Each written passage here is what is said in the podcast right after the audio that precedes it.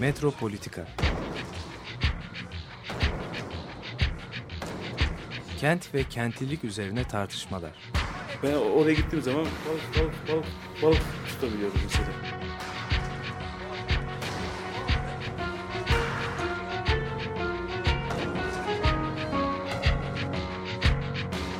Hazırlayıp sunanlar Aysin Türkmen, Korhan Gümüş ve Murat Güvenç.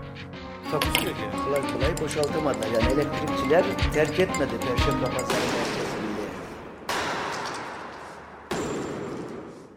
Merhabalar değerli Açık Radyo dinleyicileri. Bir Metropolitika'da daha birlikteyiz. Ee, bugün konuğum sevgili Uğur Tanyeli. Ee, epey e, geçmişi olan bir dostluğumuz var. Hem de e, programımızın epey eski katılımcılarından uzun zamandır e, kendisiyle program yapmamıştık ama e, kendisi Bilgi Üniversitesi öğretim üyesi, e, mimar, mimarlık tarihçisi de diyelim. E, konumuz da biraz e, bu daha önceki geçmişte konuştuğumuz konuların aslında biraz devamı gibi. Bugün e, ilk önce istersen bir 17 Ağustos depremiyle ilişkili olarak mimarlık meselesini konuşalım. Yani genellikle geniş bir kapsamda konuşuyoruz. Riskler, problemler, işte başka işte afetler, doğal afetler falan, doğal mı afetler bu soru da soruluyor. Şimdi bu risk meselesi ve insan yerleşimleri konusu. E, bugünkü programı istersen girişinde böyle bir e, şey yapalım, konuyu Hı-hı. açalım. Biraz da buna bir tarihsel perspektifte baktığımızda Hı-hı. Bu risk bilgisi nasıl oluştu ya da insanlar geçmişten beri yani böyle işte depreme dayanıklı binalar yapalım falan diye düşünüyorlar mıydı?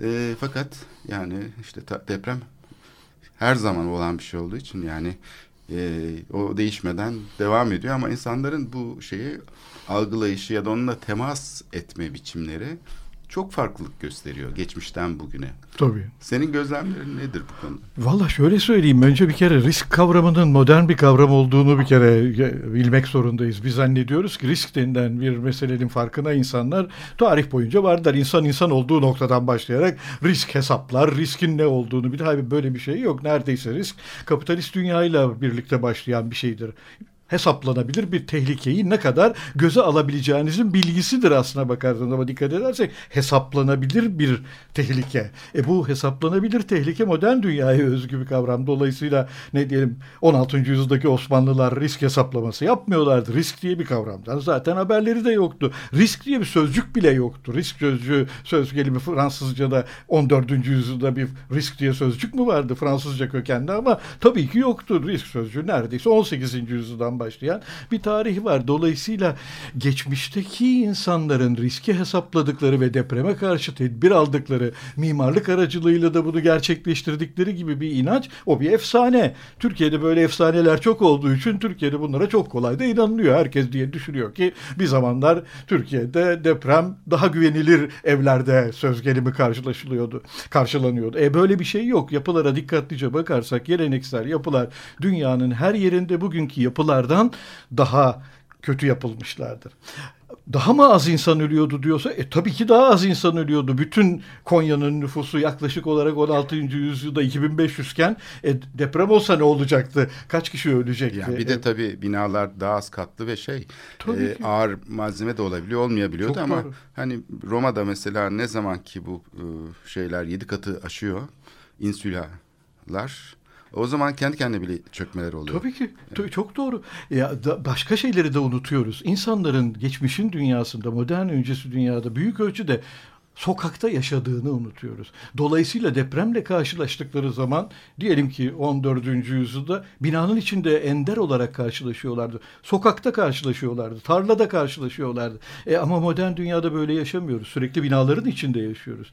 Neredeyse hayatımızın yüzde doksanı binaların içinde geçiyor. Onun dışındaki parçası son derece kısıtlı bir parça. E böyle bakınca daha az insan mı ölüyordu? Oran daha mı az oluyordu? Evet daha az oluyordu bir Yunan tapınağının içinde diyelim ki bir depreme yakalanmıyordunuz ama Yunan tapınakları her depremde yıkılıyorlardı. Bunu Unutuyoruz biz sanıyoruz ki Yunan tapınakları şimdi restore edildikleri gibi pırıl pırıl duruyorlardı orada. Hayır durmuyorlardı. Hepsini dikkatlice gözlediğiniz zaman defalarca yıkıldığını, defalarca yapıldığını biliriz. E şimdi Türkiye'deki binalar için de geçerli bu. Peki yapılırken ya bir şey eksik yaptık da deprem oldu. İşte şimdi şöyle yapalım falan diye bir tecrübe kazandık. Buna ilişkin tek bir anlatı bulamayız geçmişin dünyasında. Ne yapalım da depreme karşı dayanıklı olsun. Yapa geldikleri biçimde yaparlar. O depreme dayanır, dayanmaz. Çoğu yerde zaten dayanmaz. İran'da geleneksel mimarlık depreme dayanmaz. E dünyanın depremselliği en yüksek ülkesinden bahsediyoruz. Her depremde, en küçük depremde İran'da ciddi biçimde insan ölür geleneksel yapılarda. E, Türkiye'de Varto'da deprem olduğunu hatırlarım 1960'lı yıllarda. Küçücük Varto kasabasında ciddi bir katliam oldu neredeyse afet yüzünden. E, geleneksel evlerde oturuyorlardı.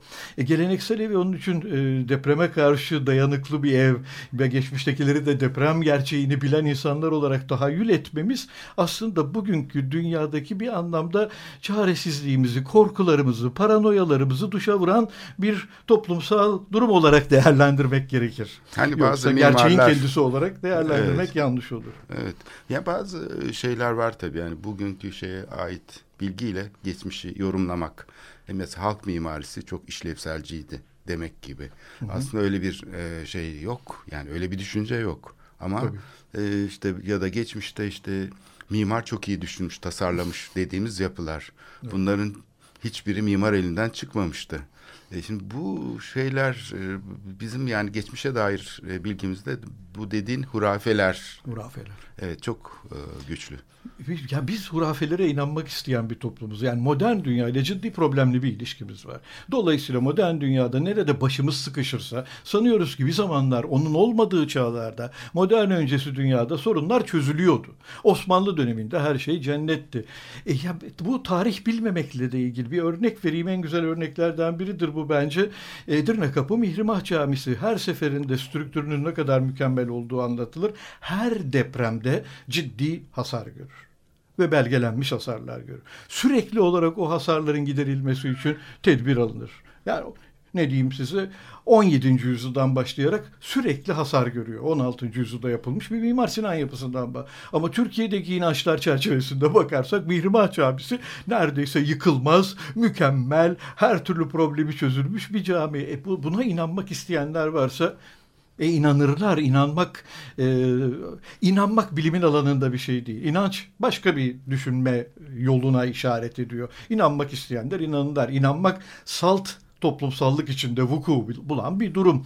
E Türkiye'deki durum da öyle. Türkiye'de insanlar inanmak istiyorlar. Bir şeylere inanmak istiyorlar. Bir zamanlar yol, işlerin yolunda gittiği bir Türkiye'ye inanmak istiyorlar. Binaların bugünkünden daha sağlam olduğu bir Türkiye'ye inanmak istiyorlar. Daha konfor, konforlu evlerde yaşadıklarına inanmak istiyorlar. Hepsinin gerçek olmadığı kesin ama inanmak istiyorlarsa söyleyecek sözümüz Evet, yok. Bu şimdi toplumun mesela- yüzde doksanı buna inanmak istiyor. Kesinlikle çünkü böyle bir inanç olmasa mesela şimdi yeni yapılan e, yapılar deprem yönetmelikleri değiştiği için hani daha sağlam olabilir. e, Daha sağlıklı ve sağlam olabilir yani risk açısından şey fakat e, yatırım açısından o kadar sağlıklı olmayabilir. Oysa ki bu binaların yapılmasını en sağlayan en önemli motivasyon yatırım. Tabii. E, Dolayısıyla yani aslında yatırımcı olarak çok büyük bir risk taşıyor bu binalar. Belki can güvenliği açısından risk taşımıyor ama e, çoğunun çöpe gitme ihtimali de var. Aa, bu kesin. Yani şöyle söyleyelim dünyadaki en ciddi problemlerden bir tanesi yapı israfı modern dünyada kapitalist ekonomide. E, şöyle bir hesaplamayı gayet iyi hatırlıyorum. E, yaklaşık 150 yıllık bir aralıkta Chicago'nun merkez kesiminde Loop denilen ticari merkez kesimindeki her binanın ve parselin 9,5 kez inşa edildiği hesaplanmış. 150 yıllık arada. Yani bu yaklaşık hiçbir bina 15 yıldan daha uzun süre orada durmamış. E, Kadıköy bu, rekoru kırabilir. E, Kadıköy yakında evet. Bağdat Caddesi alanının bunu yakında kıracağını ben de tahmin ediyorum. ben Bu- kendi hayatımda sadece dört kere yıkıldığını gördüm. Aynı. Kesinlikle. e, kesinlikle. Dördüncüye geldik Yani şimdi. Türkiye'de bir yer kıracaksa bu rekoru bence de bu Bağdat Caddesi alanı kıracak ama e, sadece Bağdat Caddesi demeyelim. E, varoş semtlerine doğru gider bakarsak bence neredeyse 30 yıllık kiralık semtlerin 2-3 kez yeniden yapıldığını düşünecek olursak e, Türkiye'de daha vahim yerler var Kadıköy'den aslında. Sadece Kadıköy gerçekten e, biraz daha uzun süresini bildiğimiz için. Çünkü Kadıköy'ün Bağdat Caddesi alanının en azından e, 150 yıllık bir aralığını biliyoruz. Neredeyse Chicago'daki kadar bir tarihini biliyoruz ama ne diyelim iki telli için söz gelimi bunu söylemek ne kadar mümkün. İki telli benim çocukluğumda iki telli diye bir yer yoktu. Tarlalar vardı orada yol bile geçmezdi gayet ya hatırlıyorum. E kaç kere yeniden yapıldığını düşünecek olursak aslında e, rekorları kıran çok yerimiz var. Bu Çok açıdan. gerçekten. Çok yani. Yani- E, yani bu israf bağlamında Türkiye'de e, yani kapitalist ekonomi bağlamında bu israf hem ekonomik hem de değil. Ekonomik çünkü gerçekten her yeniden yapmak rant üretmeyi sağladığı için e tabii ki yatırımcı için kar ama öte taraftan da bu kadar büyük bir israf oranıyla da e, nasıl kentsel yaşamı ayakta tutarız, nasıl kentleri yaşanabilir kılarız e bunu düşünmek zorundayız. Bence deminki söylediğin doğruydu depremden daha vahim olduğunu düşünmek zorundayız. Depremden daha vahim Evet. bir problemle karşı karşıyayız bence de. Tabii bu kapital dediğimiz şey de yani önemli. Aynı zamanda biriktirmiş olduğunuz değerler mesela yer döşemeleri. Şimdi çok uzun zamandır hep İstiklal Caddesi'nin taşları falan bunları konuşuyoruz. Ee, bir zamanlar çok yakın bir tarihte tıpkı Floransa'daki gibi e, deniz kenarındaki rıhtımlar geniş e, plaka taşlarla kaplıymış. Ben bunu yeni öğrendim. Ben hep parke taşı yani bu 6. dairenin parke taşı döşeyerek bütün sokakları Galata sokaklarını kapladığını tahmin ediyordum. Çünkü onlar gözümüzün önündeydi. Ama e, onun dışında bazı önemli kamusal alanlarda büyük, geniş, e, şey olmayan, granit olmayan ama başka taşlarda kullanılan e, kaplamalar varmış. Gene İzmir, e, Selanik falan buralarda da rıhtım e, şeyleri e, bayağı büyük taşlarla yapılmış. Pekala hani 500 yıl falan kullanılsa hiçbir problem olmaz yani çok sağlam döşemeler. Tabii. E, bu önemli yani israf Şöyle dediğimiz şey var. söyleyelim yani e, gıpta ettiğimiz ülkelerin durumuna biraz baksaydık o be- yani de- deminki Floransa örneği Floransa'da gerçekten öyle kaplamalar var ki hiç tereddütsüz söyleyeyim oradaki taşların bazıları herhalde 15. yüzyılda da orada duruyorlardı. Ya kaplamayı zaman zaman onarmışlardır, kaldırıp yeniden döşemişlerdir ama taşların önemlice bölümünün 15. yüzyıla ait olduğunu söyleyebilirim. Londra'nın merkez kesimindeki pek çok kaplama 18. yüzyıl kaplaması. Evet onarılıyor ama 18. yüzyıl kaplamaları. E St. Petersburg'da Rusya'da e, 18. yüzyılın sonundan yapılmış kaplamalar var. E, daha da ilgincini söyleyeyim. Amerika Birleşik Devletleri'nde yıllar önce Ann Arbor, Michigan'da bulunmuştum. Orada e, bir zamanlar müteahhitler sokak aralarındaki kaldırımlara tarih ve kendi adlarını stensille basarlarmış betonun üzerine. E 1923 tarihli çok sayıda ben imalat damgası gördüm kaldırımların üzerinde. E Türkiye'de 1923'ten kalma bir metrekare bana herhangi birisi sokak ya da kaldırım kaplaması gösterebilir mi diye soralım. Dünyanın en zengin kapitalist ülkesinden bahsediyoruz. Amerika Birleşik Devletleri'nden ve Türkiye'de bırakalım 1923'ü acaba 1980'den kalan e, bir metrekare kaldırım herhangi bir yerde bulmak mümkün mü? E, Bu, bu evet israf. Bu hiç kuşkusuz kapitalist kazanca imkan veriyor ama kapitalist kazancın daha rasyonel, daha akılcı üretilebildiği alanlar var. Sürekli olarak kaldırım ve yol yapmak dokuz buçuk kez aynı parseli 150 yıl içinde inşa etmekten herhalde daha rasyonel davranmamız mümkündür. En azından Türkiye'de davranmak zorundayız gibi geliyor bana. Dünyanın en zengin ülkesi falan değiliz ciddi biçimde ekonomik sıkıntı yaşadığımızı büyük bir rahatlıkla söyleyebilirim ve e, tırmanan bir ekonomik sıkıntı düzleminde olduğumuzu da artık bütün ekonomistler söylüyorlar ama sanıyorum ki e, bu- bunun henüz farkında değiliz mimari bağlamda gerçekten de. Evet, şimdi e, bütün bu e, kararları verirken aslında modern toplumda bir e, projelendirme dediğimiz bir süreç var. Planlama ve projelendirme. Yani bir kararın aslında içeriğini oluşturan bunlar şeyler, e, betimlemeler, e, bilgiler diyelim. Aslında burada biz sonuç üzerinden bu bilgiyi alıp kullanıyoruz. Mesela Beyoğlu planları yapıldı.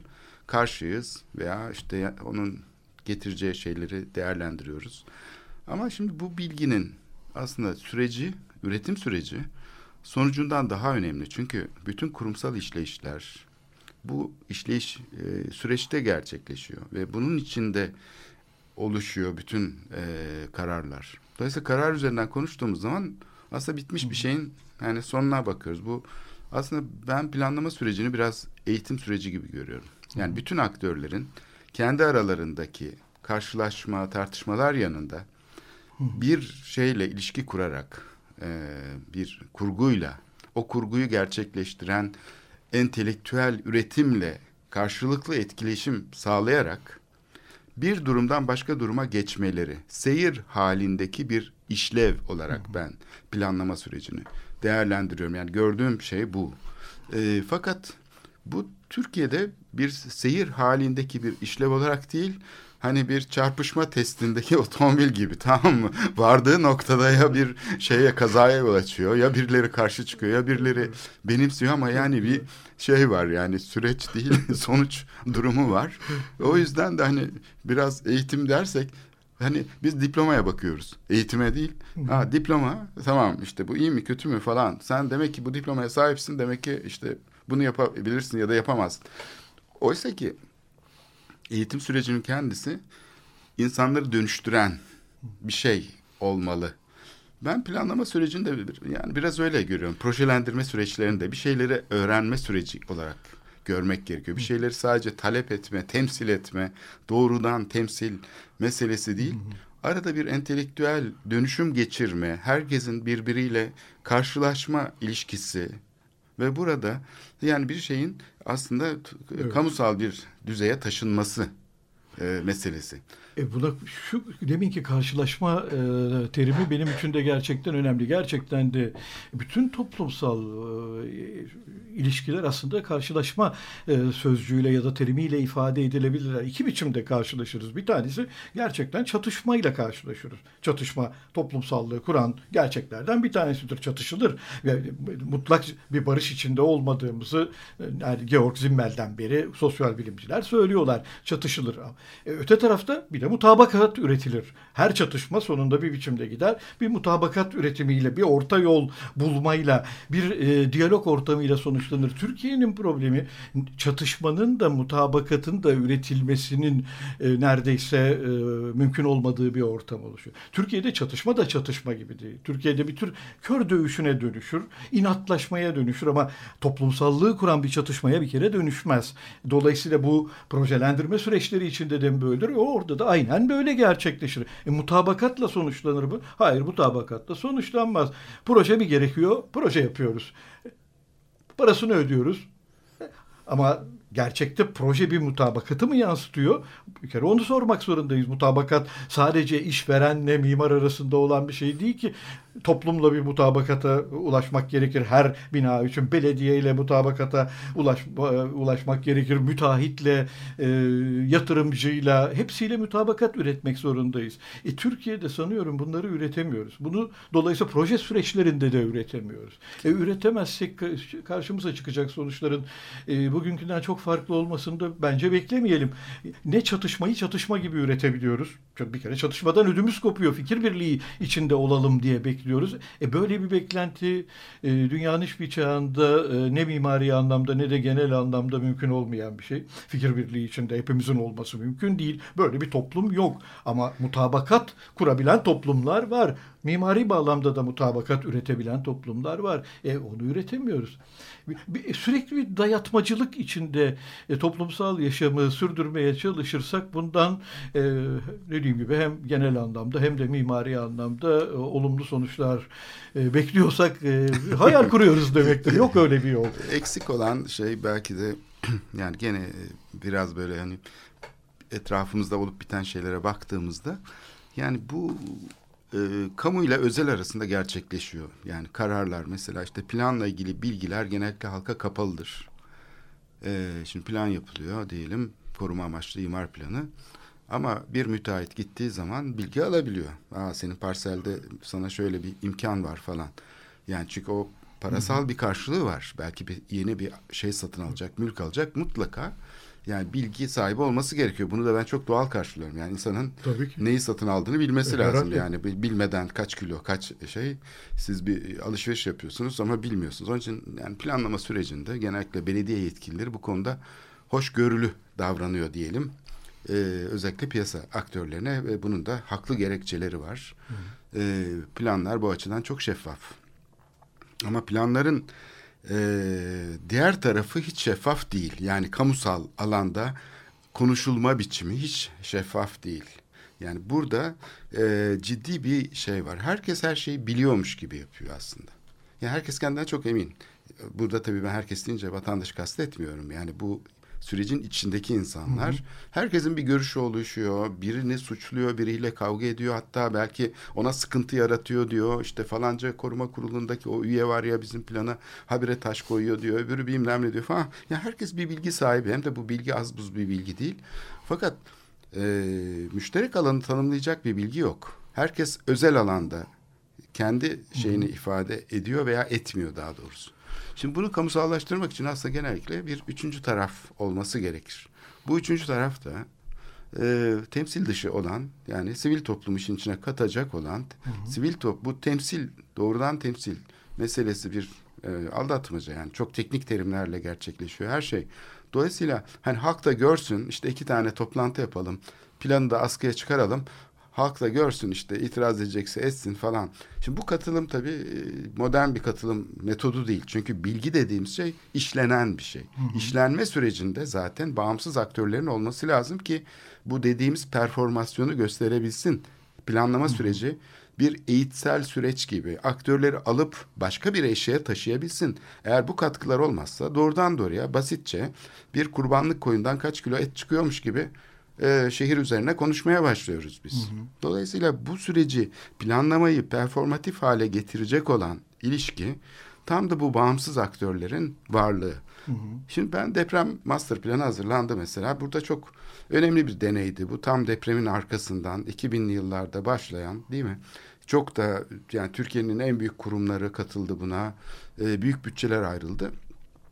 Onun öncesinde şeyleri fark ettim. Çünkü gelip buldular sonuçta bir koordinasyon merkezi kurmuştuk çünkü depremden hemen sonra ve o koordinasyon merkezi bütün işlevleri üstüne almaya başladı. Ulaşımla ilgili, sağlıkla ilgili, yardımlarla ilgili, geçici yapılaşmayla ilgili bir koordinasyon merkezine dönüştü.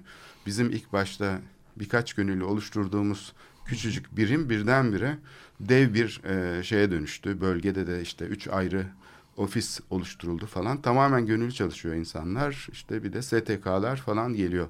Şimdi böyle bir deney yaşanmışken tam onun üstüne bir deprem master planı hazırlandı.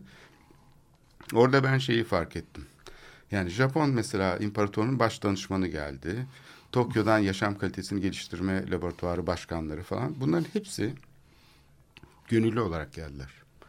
Devlet onları gö- görevlendirdiği için değil. Hiçbir zaman Japon firmaları diyelim burada bir müteahhitlik çalışması yapıyor. Ona bir e, altyapı hazırlayalım. Ona bir şey sunalım. Bak ne güzel yatırım fırsatları var diye. Yani böyle bir e, araştırma şeyini tamamen e, bu tip kaygılardan, piyasa kaygılarından bağımsız olarak kendi yiyecek yol, kalacak yer masraflarını karşılayarak geldiler. Ben bundan eminim. Çünkü bu insanlar zaten yani şey para falan üzerinde konuşabilecek insanlar değil de hepsi zaten gayet e, gelir düzeyleri yüksek insanlar falan.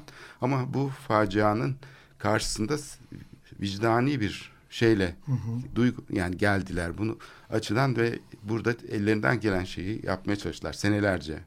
İçlerinde işte ne bileyim başka yardım çalışmalarına katılanlar olduğunu hep fark ettim. Yani 17. mesela yardım çalışmasını yürütüyordu bazıları falan.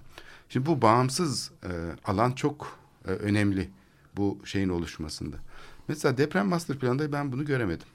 Hı hı. Deprem master planı hazırlanırken evet e, resmi taraf vardı. Şey vardı işte diyelim ki e, bazı piyasa aktörleri de buna katıldılar. Ama yani böyle güçlü bir sivil toplum katılımı maalesef olmadı. Ve o yüzden de o plan sadece billboardlarda bir kapak olarak tanıtıldı. İstanbul'u kurtaracak plan diye altına şey yazıldı. İstanbul Deprem Master Planı. Hani konserve kutusu gibi içinden ne çıkacak o çıkacak. e, risk olmayacak yani o plan uygulanırsa. E böyle yapılıyor Türkiye'de planlar. Evet. Burada da bir e, eksiklik olduğu çok açık yani. E, tabii yani şöyle söyleyeyim buradaki durum şöyle, demin yine konuşurken konuşmaya başlarken söylediğin mesele şimdi şeffaflık meselesi yoksa ki bunu daha da genelleştireyim demokratik bir e, gündelik yaşamın tamamına yayılmış bir demokratik bilinçten ya da davranış formundan söz etme edemiyorsak bu hiçbiri olamayacak demektir. De, Türkiye'de biz demokrasi diye tartışmaya başladığımız zaman sadece seçim var mı diye tartışmak istiyor. Şimdi bu seçim eşittir demokrasi biçiminde dünyanın hiçbir yerinde bir tanım olmadığını bir kere bilmemiz gerekir. E, bu deminki proje elde etme süreçleri, işte e, master planlar yapma, imar planları yapma meselesi bunların hepsinin aslında şeffaflık içinde cereyan ettiği, herkes tarafından ilgili ilgisiz, sivil toplum gibi şık bir adı bile burada kullanmayalım. Herkesi ilgilendiriyorsa herkes üzerinde konuşabilir. Herkes bunları aynı derecede görme hakkına sahiptir. Dünyanın başka yerlerinde böyledir ama e şimdi biz Türkiye'de öyle bir ülkede yaşıyoruz ki Türkiye'de bir tapu dairesine gidip de herhangi bir binanın size ait olmayan bir binanın çapını alabilir misiniz? Dünyanın her yerinde alırsınız. Bütün demokratik ülkelerde gidersiniz. Şu parseldeki durumu görmek istiyorum. Belki satın alacaksınız o parseli. Kaç metrekare olduğunu bileceksiniz. Yan tarafta ne var? Bunların hepsini alanda gözlemle yapamayacağımıza göre bu Amerika Birleşik Devletleri'nde de İngiltere'de de Almanya'da da kolayca yapabileceğiniz bir şeydir. Her binanın projesini belediyeden gidip belirli bir ücret karşılığında kopyasını alabilirsiniz. Hiç kimse size şu soruyu sormaz. Ya senin binan değil ki ne yapacaksın binanın projesini? Alenidir. Hayır. Bu bilgi alenidir. Yani sokaktaki Tabii. şey gibi yani. Evet bu herkesin bilgisi çünkü. Bilgisi. O bina aslında bir anlamda o binaya ilişkin bilgi herkesin bilgisi. O binaya ilişkin mülkiyet hakkı birilerinin olabilir ama ona ilişkin bilgi hepimizin bilgisi. E şimdi bu ikisinin ayrışmadığı bir ülkede yaşıyoruz biz. O binaya ilişkin, mimariye ilişkin bilgiyle mimariye ilişkin mülkiyet hakları, ekonomik hakların Türkiye'de örtüşük gibi tahayyül edildiğini söyleyebilirim. E, değiller. Bunlar farklı şeyler. Bir binanın arsasına sahip olabilirsiniz, binaya sahip olabilirsiniz ama o binaya ilişkin sayısız meselede sizden başka sayısız aktörün konuşma hakkı var. Orada hiç oturmayan, önünden bile geçmeyen, komşunuz olmayan, e, bunların hepsinin geçerli olduğunu bence e, Türkiye'de ne yazık ki biz e, henüz daha bu e, şeffaflık ve demokrasi meselesini gündelik yaşamın içinde üretilmiş bir ülke değiliz. Evet. E, öyle olunca da e, hiç şaşırtıcı değil şuradaki durum. Deprem master planı yapılır ve hiçbirimizin haberi olmaz. Bir köşe başında bir önemli kamu yapısı yapılacaktır. Hiçbirimizin ona ilişkin bilgisi olmaz. Kim yapıyordur bilmeyebiliriz. Projesi nedir bilmeyebiliriz. Hangi imar hakları tanındı bilmeyebiliriz. E bunların hepsini dünyanın her yerinde insanlar biliyorlar. Bunu gidip sorduğunuz zaman anında cevap alabileceğiniz merciler var, kurumlar var, belediyeler var, merkezi yönetimler var. E Türkiye'de Yok. Evet. E, bu zaten işte mütabakat zaten böyle üretilmez. Evet. Bunların bilgisine sahip değilseniz onlar üzerine mutabakatı neyle üreteceğiz ki? Hangi bilgiyle mutabakat üreteceğiz? Evet. Hangi bilgiyle çatışacağız hatta dahası? Evet. Çatışamıyoruz. Argümanlarımızı neyin üstüne kuracağız değil mi? Yani çatışmak için Tabii, bir argümantasyon bir, e, aynen, gerekiyor. Uzlaşmadığımız bir şeyi evet. tanımlamak zorundayız. Evet. Onu tanımlamadan çatışabilen şahane bir ülkede yaşıyoruz biz. Ç- ya, çatışıyoruz bana, ama neye çatışıyoruz? bir fikrimiz yok. Bana yan baktın falan gibi bir şey. aynen senin ona, niyetin kötü falan. Aynen ona Öyle Sokakta gerçekten hani Biz adam uçaklama gibi. Biz senin güvenmiyoruz. Evet. Evet. Şimdi bu, Bana evet, kötü baktı diye Böyle bilinmeyen bir konu daha var. Programımızın ikinci bölümünde de onu konuşalım istersen. Ee, bu da Atatürk Kültür Merkezi meselesi bizim temcit pilavı gibi sürekli işlediğimiz ama sürekli bitmiyor bir türlü. Artık bıktırıcı bir ısrarla. Şey demiş, e, binanın mimarı Hayati Tabanlıoğlu işte bu bina son mimarı diyelim. Yangın sonrası galiba demiş bütün hayatım boyunca ben bu binayla uğraşacağım demiş. Öyle bir miras bıraktı ki herkes onunla uğraşıyor evet. ve bir türlü bitmiyor tamam mı bu Çok sorun. Iyi. Programın ikinci bölümünde onunla başlayalım diyorum ben. Uğur Tanyeli ile, sevgili Uğur Tanyeli ile söyleşimize. Şimdi e, bir müzik arası veriyoruz. The Doors'tan Riders on the Storm.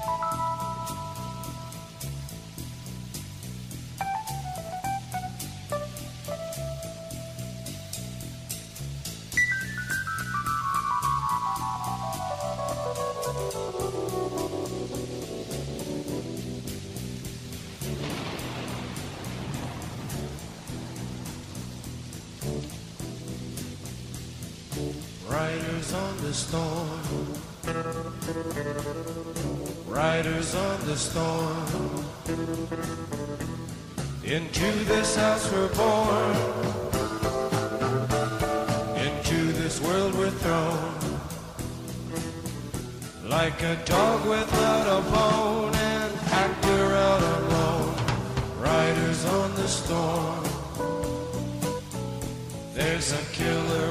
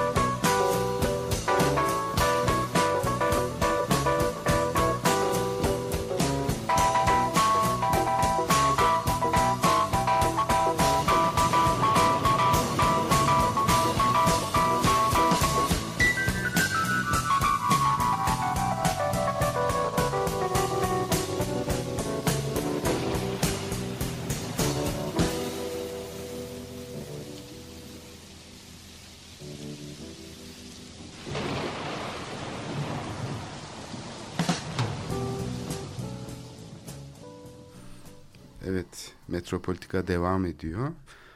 Ee, bugünkü programda sevgili Uğur Tanyeli konuğumuz. Uğur'la ilk önce biraz e, deprem ve mimarlık konusunu konuştuk. Sonra planlama sürecine geçtik. Planlama e, ve nasıl e, planlamanın metodolojisi nasıl e, gerçekleşiyor e, Türkiye'de ve başka ülkelerde. Şimdi gene bilinmeyen bir konu e, çok konuşulmasına rağmen e, ne oldu gene bilinmeyen bir muamma olarak AKM gene karşımızda duruyor. Hani görüyoruz evet e, ne olduğunu görüyoruz ama ama ne olacağını konuşamıyoruz. Bu konuşmalarımızı müşterek bir alanda paylaşamıyoruz. E, paylaştığımız dönemler oldu aslında. Olmadı değil. E, bu yani bu, bu bu problemi aşmak için aslında bir sivil inisiyatif işte diyelim deprem sonrası zaten bu koordinasyon merkezini oluşturan insanlar işte bu gayretleriyle yerel bir politik e, şey oluşturmak, yerelleşmeci bir organlaşma oluşturmak için kültür başkenti olmasının, Avrupa Kültür Başkenti olmasının o dönemin koşullarına göre uygun olduğunu düşündüler ama başarılı olamadılar. Yani birkaç tane e, mucize sayılabilecek birkaç proje dışında, birkaç çalışma dışında aslında o bir e, unutuldu ve üzerinden süngerle geçildi. Atatürk Kültür Merkezi de onlardan biriydi. Yani tıpkı Yeni Kapı projesi gibi, Hasanpaşa projesi gibi işte Atatürk Kültür Merkezi de bu projelerden biriydi ve Atatürk Kültür Merkezi için aslında ilginç bir deney yaşandı. yani bunu e, buranın bir hafıza mekanı olarak korunması için e, bir inisiyatif oluştu. Bu inisiyatif e, çok güçlü e, deneyimli mimarlar ve e, piyasa e, şeyi artık yani biraz mesleğin şeyin ötesinde olan insanlar e, yani bu işe basit yarar kavramları üzerinden bakmayıp kamusal alanı genişletme e, şey olan e, insanlarla oluştu bu çalışma grubu ve e, Atatürk Kültür Merkezi için yıkalım ya da işte programa koymayalım. Yani ilk e, şey baskı şöyle gerçekleşmişti. Nasıl bu bina yıkılacak? Yani Kültür Başkenti programına konursa rezil oluruz. Sonra işte Avrupa'ya karşı falan filan. Onun için siz bunu programdan çıkarın diye bir baskı oldu ilk başlarda. Bu baskı bertaraf edildi çünkü yani bu, bu konmayacak da yani şehrin en önemli kamusal alanı Gezi, Taksim, AKM konmayacak da ne konacak bu programa? Yani bu tamamen bu resmi programın aslında yerelleşmesi hedefleniyor zaten. Yani sorun da tam zaten kültür başkenti olmasını amaçlayan hedef e, bunu şey yapan e, amaçlayan kitlenin grubun zaten amacı şeyi bu yani yapmak istediği şey buydu. Dolayısıyla e, bu teklifler bunu programdan çıkarın 2006'lardan söz ediyorum yani 2007'ler kabul görmedi ve e, dosya, başvuru dosyası 2006 yılında Atatürk Kültür Merkezi'nde içerecek şekilde Taksim'i ve şey içerecek şekilde Avrupa siyasal organlarına iletildi. Fakat aynı zamanda tabii bütçe yok ortada. Herkes gönüllü çalışıyor. Hatta kendi cebinden para harcayarak yapıyor yani bu işi. E, bir e, çalışma grubunun yaratmış olduğu dinamizmle belki bütçe olsaydı bu yapılamazdı.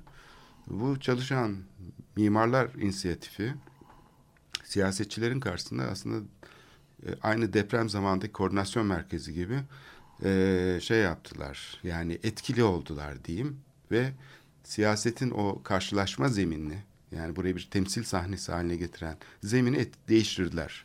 Mesela bu bina kibrit kutusu gibi ya nesini beğeniyorsunuz mesela. Bu çok söylenen bir şeydi. Ben defalarca bunu başbakan yardımcısından falan işittim. Yıkalım ne istiyorsanız onu yapalım. Mesela ben, bana bu birkaç kere söylendi. Siz çok seviyorsunuz bu binayı anlıyoruz ama ya yıkalım gene güzel bir şey olacak. Siz ne isterseniz size bırakalım siz yapın falan gibi. Böyle teklifler çok geldi. Biz yani şey dedik yani tartışılacak, konuşulacak. Her şey konuşulabilir ama serbest, bağımsız, özgür ortamda konuşulmalı. Şimdi bütün mesele burada galiba. O sayede mükemmel bir proje ortaya çıktı. Atatürk Kültür Merkezi için sorun hani o dönemin bakanı Ertuğrul Günay belki biraz devre dışı kalmış gibiydi. İşte kendisi e, hükümet içinde şeydi falan. Onu bir bütçe meselesi gibi algıladı. Hani bütçe bulunursa yapılır. Halbuki yapma kabiliyeti yoktu. Yani Kültür Bakanlığı'nın çalışma şekli o bağımlı işleyiş içinde ihale yöntemleriyle falan böyle bir inisiyatifin oluşması mümkün değildi. Dolayısıyla mahkeme kararıyla bertaraf edilen şey aslında bu bağımsız inisiyatifti. Tekrar eski rejime geri dönüldü. Eski çatışmacı rejime. Çünkü bir farklılık ortaya çıktı. Yapının bütün elektromekanik sistemleri olsun, enerji etkin hale getirilmesi olsun, statik problemleri var deniyor. Mükemmel bir inceleme yapıldı. Statik problemleri işte içine konan birkaç tane dik perde duvarla simetrik bir yapı olduğu için çok güçlü bir yapı haline getirildi ve hiçbir değişiklik yapılmadı mimarisinde. Ama tamamen bir e, gene hurafeyle üzerine restoran yapılıyor gibi bir hurafeyle tamamen yanlış bir bilgilendirmeyle çok eski kuruldan izin almış bir proje durdurularak aslında ihale yapılmış, uygulaması başlamış projeyi durdurmayı başardılar. E, ve böylece herkes rahatladı. Yani e, özellikle yıkmak isteyenler çok rahatladı. Çok sevindiler. Aman ne güzel. Demek ki tekrar yıkabileceğiz bunu falan gibi. Çünkü güçlü bir inisiyatif bertaraf edilmiş oldu. Şimdi burada da eksiklik zannedersen binayı bir tasarım problemi gibi işte kim yapacak, nasıl yapılacak, şöyle mi olacak, böyle mi olacak, işte rant, ranta mı açılıyor falan demekten önce ya kardeşim ilk önce bir düşünelim demek. Buna sağlayacak şey yok ortada bir girişim yok. Böyle olduğu sürece bizim bu sorunu çözmemiz mümkün değil. Yani herkes sonuç üzerinden konuşuyor. Yıkalım, yıkmayalım falan gibi. E, Türkiye e, e, eylemlerle ayakta duran bir ülkedir. Düşüncelerle ayakta duran değil aslında. E, dolayısıyla eylemle düşünce arasında bir bağın da olmadığı bir ülkede yaşadığımızı herhalde artık fark etmiş olsak gerek. E, AKM örneğinde de aslında bence bu oldu büyük ölçüde. Yani bir kere birincisi AKM'yi yıkmak diye bir problemin gündeme gelmesini anlamak mümkün değil. Benim bildiğim dünyanın her yerinde bu boyutta büyük kamusal yapılar inşa ettiğimiz zaman bunları yüzlerce yıl kullanacağımızı varsayarız. Ya aynı yıllarda Almanya'da yapılmış çok sayıda benzer büyük bu türden yapı var. Ya Türkiye'de bir tane var. Türkiye'de AKM boyutunda gerçekten diyelim ki Almanya'da en azından 100 tane çıkarabileceğimiz, Amerika Birleşik Devletleri'nde çok daha fazlasını çıkarabileceğimiz bir şeyin Türkiye'de bir tane örneği var. Bu teknik kapasiteye sahip. E bu bunu yıkmaya çalışıyoruz. E yani 18. yüzyıldan kalma e, La Scala'yı Milano'da kullanıyorlar. Restore ediyorlar ve kullanıyorlar. Hiç Ve restore de- edilirken de Tabii. e, şey açık yani restorasyon tekniklerini göstermek için ben La Tabii. Scala'yı gezdim. E, restorasyon sırasında özel ekipler var. Nasıl bir müze gezdirilir? Restorasyonu nasıl yaptıklarını gezdiriyorlar. Kesinlikle. Anlatıyorlar mimarlar. Tabii. E, şu La Fenice şeyde Venedik'te aynı şekilde yapıldı. Bir yangın geçirdikten sonra gerçekten neredeyse şeffaf bir biçimde o restore edildi ve e, hiç kimse de La Fenice'nin yerine daha iyisini yaparız 18. yüzyıldan kalan bu binaya muhtaç mıyız demedi. E, Napoli'de 19. yüzyılın başından kalma koskoca e, San Carlo e, opera binası kullanılıyor. 18. 17. yüzyıldan kalma teknik donatısıyla kullanılan tiyatrolar var İtalya'da, Avusturya'da. İçindeki donatılar 18. yüzyılda kullanılan donatılar. Hala insanlar elle perdeleri sarıyorlar, ne diyelim palangalarla şeyleri yerleştiriyorlar ve hala E, kullanıyorlar. yelkenli gemi gibi yani. Yelkenli gemi gibi. Hiç kimse de demiyor ki yahu biz bunu yıkalım yerine çok daha iyisini yaparız. E yerine çok daha iyisini yapmak iddiası bir kere çok problemli bir iddia. Bu her anlamda çok problemli bir iddia. Bir şeyi bir şeyi bu anlamda yıkabileceğimizi ve yerine daha iyisini yapabileceğimizi düşünme halimiz çok Yani ortada şimdi mesela Sütlüce'deki kongre merkezi ilk önce kültür merkezi diye başladı inşaat. Öyle diye bize sunuldu değil mi? Yani sonra kongre oldu. Çünkü ticari bir işletmeye dönüştü. hiçbir şey değil. Onun mesela salonunu ele alalım. Şimdi biz orada diyelim konser izliyoruz. Şimdi Atatürk Kültür Merkezi'nin e, şeyi altyapısı tam yani olağanüstü de- derecede gelişmiş uluslararası standartlarda bir yapı. Tabii. Bunun yani sahne Türkiye'deki sistemleri tek yapı çok açık söyleyeyim. Evet, yok, Türkiye'deki eşi yok. tek yapıydı. Evet. Türkiye'de o standartlara sahip tek yapıydı ve herkes onu sadece ön cephesi kibrit kutusu gibi mi yoksa radyonun önüne mi benziyor gibi saçma sapan diyebileceğim gerekçelerle tartışma. E 1960'larda dünyada da öyle yapılıyordu. Türkiye'de de öyle yapılıyordu. Ne yapacaklardı? Birdenbire bambaşka bir mucize yaratacak halleri yoktu. Ama dünyanın her yerinde kabul görebilecek kalitede hem teknik kalitede hem estetik kalitede tabii bir yapı ortaya koydular. gayet Evet. mükemmel. Evet. Tabii. E şimdi bu- bunu niye tartışıyoruz? Sürekli bu, bu şekilde bir kere sürekli geçmişe yönelik tartışmanın nasıl anlamı olacağını anlamaktan acizim. Yani 1960'ı tartışarak o bu bina burada mı olsun diye tartışma olabilir mi? Bu mantıkla o zaman 16. yüzyılda yapılan Süleymaniye'de böyle mi yapılmalıydı? Daha iyisini yaparız yıkınca. Emin olabiliriz ki tabii ki teknik açıdan daha iyisini yaparız Süleymaniye'nin. E yıkacak mıyız? Böyle bir mantıkla bir kere buna yaklaşma şansımız var mı? Yani yıkmanın bir kere bu problemini görmek Çirkin zorundayız. deniyor mesela. Şimdi Evet. çirkinlik diye bir kriter olabilir mi? Evet. Yani şimdi çirkin nedir? Süleymaniye güzel diyoruz. Ondan kimsenin şüphesi yok. Evet. Ben peki Süleymaniye'nin betonarme bir taklidini yapsam Evet. o güzel mi olur, çirkin mi olur? Evet, Güzel. Bu, bu da, ta- tam güzel tartışma. Eğer bu. formsa Aynen. bu, sadece Aynen. formdan ibaretse demek ki bunu anlam, sadece bizim gözümüzle Çok doğru. gördüğümüz bir formdan ibaret değil. Güzellik Kesinlikle. veya çirkinlik gibi. Tabii. Bunun arkasında e, şeyler var, bir takım değerler var. Evet. Çok boyutlu, çok katmanlı. Aynen. Hepsi böyle gözün önüne de çarpmayan Çok- bir takım değerler. E, Evet aynen böyle. Nasıl ki Süleymaniye sadece bir biçimden ibaret değilse, Süleymaniye deyince aklımıza gelen sayısız şey varsa, e, hakeme deyince de sayısız şey var. E bunu bu şekilde düşünmeye başlarsak yeryüzünde hiçbir yapıyı koruyamayız, hiçbir toplumsallığı ayakta tutamayız, hiçbir tartışmayı yapamayız, hiçbir mutabakatı üretemeyiz. Her şeyi sadece dış görüntüsünden ibaret sanma hali demek bu. Sadece binaları falan değil. Her şeyi sadece dış görüntüsünden ibaret gibi düşünmek istiyoruz. Ama Hani şimdi dedim burada ki- ikili bir şey var. Bir tanesi tabii e, bizim şeyimizi, söylemimizi koşullandıran bir arka bagaj diyelim. Yani bu meseleye bakarken biz bu bagaj içinden bakıyoruz. Yani böyle bir koşullanmayla bakıyoruz. Elitler olarak diyelim. Yani siyasi elitten söz ediyorum. Yani ya bunu işte küçümseyeceğiz ya da çok önemseyeceğiz bir belge olarak. Bir kere böyle bir koşullanma var ama ikincisi bu neoliberalizmin şeyi bir de hani kat karşılığı evini müteahhite veren vatandaş gibi davranan bir devletle, bir kamuyla karşı karşıyayız. E, oradaki arazi de yani hiç de fena değil. E, çoğunda yani tam bir yapılaşma şeyi de yok. E, şöyle baktığımız zaman hani buna geziyi de dahil edebiliriz.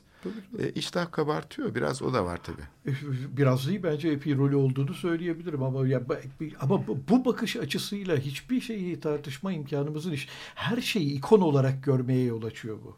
Ama ikonun gerisinde ekonomik gerçekler var. Onu çoğumuz görmek istemiyor. Ya da ikon o ekonomik gerçekleri ortadan kaldırmak için kullanılan bir kılıf aslında. Evet. E şimdi bir kere önce ikonlarla düşünmeyi bırakalım.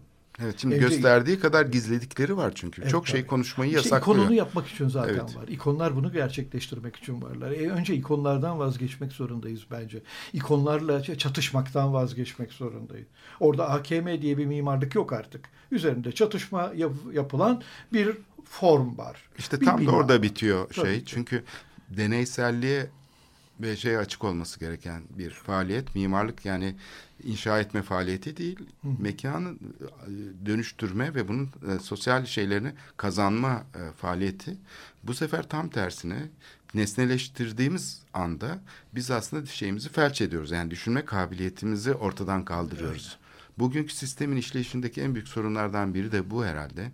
Yani bu şey, e, bu arka plandaki bu şeyler, güçler yani hepimizin bu koşullanmaları aslında şeyi e, e, bu demin konuştuğumuz e, ortak alanı e, yok ediyor. Yani bu müzakere ortamını yok ediyor. E tabii ya şöyle söyleyeyim e, mimarlık üzerine konuşamamak demek aslında hiçbir şey üzerine konuşamamak demek bence. Yani mimarlık çünkü burada gerçekten sadece bina yapma eyleminden hatta mekan üretme eyleminden de öte bir şey. Aslında mimarlık gerçekten bir tür siyasal alanın ta kendisi. Çünkü mutabakatlarla varlık kazanıyor. Ne yaparsak yapalım bir biçimde mutabakat yoksa bir şey ayakta tutmanın imkanı yok. E, bunu üretemiyorsak bence hiçbir şey konuşamıyoruz demek. Ve konuşamıyoruz zaten. Yani Türkiye'deki temel problem aslında mimarlık bunun sadece yüzeyde gözüken küçük bir ucu. Asıl mesele bence bu. Evet bu Atatürk Kültür Merkezi aslında bir e, klinik çalışma olarak, laboratuvar çalışması olarak birçok problemi e, çözmek için de bir ipucu taşıyabilir. Yani buradaki bir iyileşme başka şeylere de emsal teşkil edebilir, başka örneklere. Bu açıdan belki bir bakıma faydası da var. Olayı daha ekonomik hale getiriyor. Yani her şeyi düzeltemezsiniz ama hani şu AKM konusunda bir şey yapsak, bir adım atabilsek hani başka bir toplumsal sorunların birçoğuna belki e, çözüm getirebileceğiz. Şöyle söyleyeyim aslında e, bir gün gelecek dünya çapında bir örnek durum olarak anlatılacaktır. Böyle yapılar var dünyada. Üzerinden kavga verilmiş yapılar var. Mesela Viyana'da Loos House, Loos'un yaptığı ilk önemli yapılardan biridir. Üzerinde Daha ciddi yapıldığı zaman araştırmalar başlar. var. Daha yapıldığı zaman çatışma Başlamışlar. başlıyor Evet. ve bugün bile hala üzerinde ürün üretilir.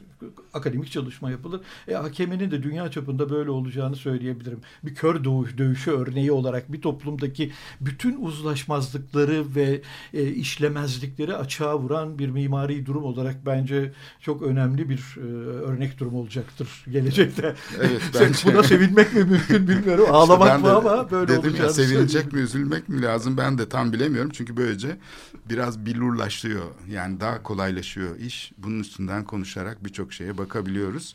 Programın sonuna geldik. Ee, çok teşekkürler sevgili Uğur Tanyeli programa katkıların için.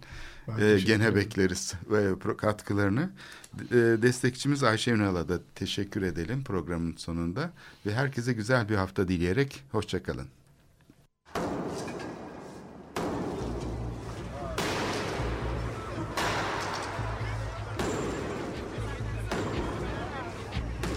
Metropolitika Kent ve kentlilik üzerine tartışmalar. Ben oraya gittiğim zaman balık balık balık balık tutabiliyorum mesela.